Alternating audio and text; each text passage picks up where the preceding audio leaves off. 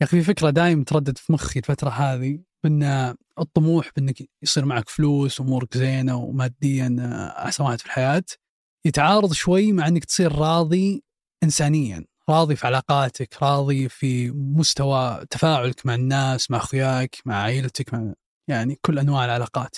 وأحس أن الطموح اللي قاعد يصير عشان تجمع دراهم قاعد يقتل هذا الرضا في الجانب الثاني. فبتشوفك دايم مستاء اللي ما قعدت معهم كفاية ولا ما سولفت معهم كفاية ولا ما ادري إيش وما ادري إيش.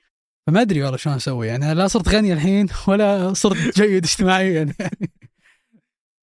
هذا بودكاست الفجر من ثمانية بودكاست فجر كل يوم. نسرد لكم فيه سياق الأخبار اللي تهمكم. معاكم أنا ياسر بن غانم. وأنا فارس فرزان. في الخبر الأول اليوم تطورات مبادرة الحزام والطريق الصينية والاختلافات عليها. وفي الخبر الثاني تخطيط أبل لإطلاق أول منتج جديد لها من عام 2015 ندري إنك غالبا تسمع وأنت صايم. عشان كذا شلنا إعلان قهوة الصباح. بس قهوة الفطور قهوة سعودية مختصة من خطوة جمل. تقدر تطلبها من المتجر الإلكتروني أو تعرف أقرب فرع لك من الرابط في وصف الحلقة. هذا الأسبوع نشرت فاينانشال تايمز تقرير تحصي فيه إجمالي القروض اللي أعطتها الصين للدول المشاركة في مبادرتها الحزام الطريق. The most expensive infrastructure project in history. Chinese companies are building roads, pipelines. ويقول التقرير إن بس بالثلاث سنوات اللي راحت قدمت فيها الصين في هذه المبادرة تمويلات وتسهيلات لدول آسيوية وأفريقية بأكثر من 100 مليار دولار. واللي هو أكثر من حجم القروض اللي خذتها هذه الدول بال20 سنة قبل مبادرة العزام الطريق. بينما فوائد قروض صندوق النقد الدولي اللي مثل هذا النوع من القروض ما يتجاوز 2% الصين كانت بالمتوسط تاخذ 5% فائدة على كل قرض. واللي تسويه الصين هنا سواء بارتفاع فوائدها أو أنها تصرف قروض ضخمة لدول فقيرة غالبا ما هي بقادرة تسدد القرض بعدين جذب انتقادات كثيرة للصين ومشروعها هذا بالذات الحزام الطريق. بس قبل نتكلم عن التحليلات والاختلافات معه خلينا نشوف كيف بدأ. ففكرة مشروع الحزام والطريق بدأت مع الرئيس الصيني في 2013 واللي كان وقتها يبي ينفذ مشروع اقتصادي ضخم يربط الصين بالعالم الغربي هذه الفكرة ما هي جديدة على الصين لأن قبل 2150 سنة من اليوم سوت سلالة هان طريق الحرير The Silk Road begins in Chang'an. To the west lie Persia and Rome. واللي كان. شبكة من الطرق البرية والبحرية اللي تربط الصين بأهم الوجهات التجارية في العالم الشرق الأوسط وأوروبا وأفريقيا وغيرهم. وبسبته صارت نقلة بكل العالم مو بس في الصين. فصار ممكن أوروبي يلبس حرير مصنوع في الصين ويطبخ أكلة بزيت زيتون من الشام ويضيف عليه بهارات من الهند ولا أندونيسيا ونفس الشيء مع هذا الدول اللي كانت تستورد منتجات كثيرة من أوروبا. واليوم الصين تبي تسوي بالحزام والطريق نفس اللي سوته بطريق الحرير. تقريبا بنفس المناطق اللي غطاها طريق الحرير ولكن بنطاق أكبر وأضخم. يخلي اللي تسويه أكبر مشروع بنية تحتية بتاريخ البشرية. وهذا الشيء يكون بأنها تعطي قروض ومرات تدخل بشراكة مع مشاريع للبنية التحتية بالدول اللي تستهدفها المبادرة. وتكون هذه المشاريع مطارات وموانئ مثلا أو طرق سريعة وسكك حديدية. ومرات تكون مناطق صناعية ومشاريع للطاقة مثل مصافي نفط وغيرها. ولو بنشوف الدول اللي تركز عليهم هذه المبادرة فهم بالغالب إما دول في آسيا مثل روسيا وباكستان أو هو الأغلب دول في أفريقيا مثل إثيوبيا وكينيا وزامبيا ومصر والمغرب والجزائر.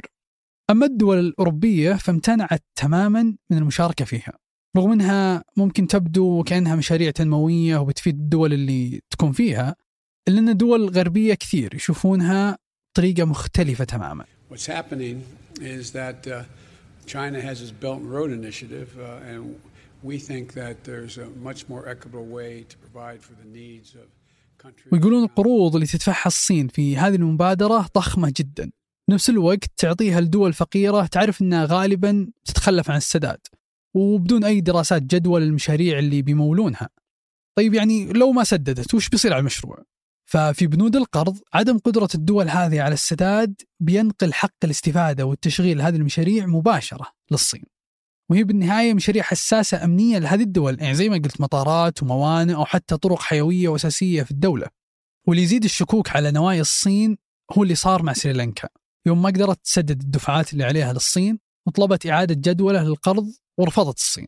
ثم حاولت تاخذ قرض من صندوق النقد الدولي عشان تحل هذه المشكلة والصين بصفتها عضو بهذا الصندوق رفضت صرف القرض. هذه الحالة اللي صارت مع سريلانكا زادت مخاوف 22 دولة تشارك اليوم مع الصين في برامج ومشاريع تشبه اللي كانت مع سريلانكا. بالذات أن العالم اليوم قاعد يعاني من مشاكل اقتصادية بسبة حرب روسيا مع أوكرانيا وتضخم وغيرها واللي جالسة تزيد من الضغوطات على هذه الدول وتخلي تسديد قروضهم للصين أصعب. واللي يخليهم ما يعرفون بالضبط يعني وش بيكون مستقبل دولهم وسيادتهم مع وجود تهديد الصين المستمر عليهم.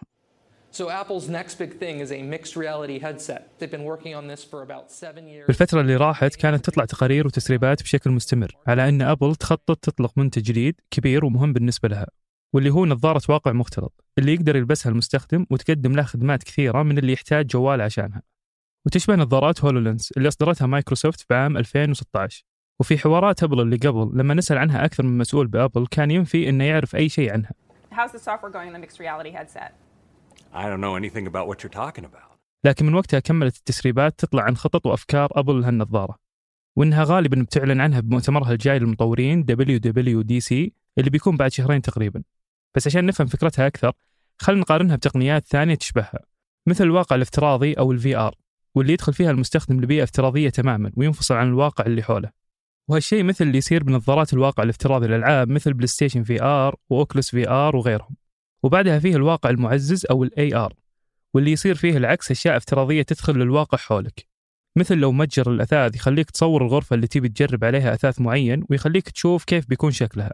وهالشيء اليوم مدعوم بأكثر أجهزة أبل مثل الآيفون والأيباد وبالذات النسخة الأخيرة منهم. أما الواقع المختلط أو ال MR فاللي يصير فيه يشبه الواقع المعزز لأنه بعد بيجيب لك أشياء افتراضية ويخليك تشوفها قدامك. لكن الفرق أنه بالواقع المعزز تستخدم جوالك عشان ينضاف جسم معين مثل الأثاث حولك. أما الواقع المختلط يكون بس وانت لابس نظارة تغير الواقع اللي تشوفه وتضيف له أشياء كثير. مثل أنك تتصفح موقع يطلع قدامك من خلالها أو ممكن يستخدمها دكتور وهو يسوي عملية المريض بحيث أن خلال العملية تطلع له معلومات وبيانات مختلفة قدامه. ومن الميزات المتوقعة فيها أنها تقدر تصور الواقع حولك وتحول المجسم 3D تقدر تستفيد منه بعدين بالتصميم وغيرها.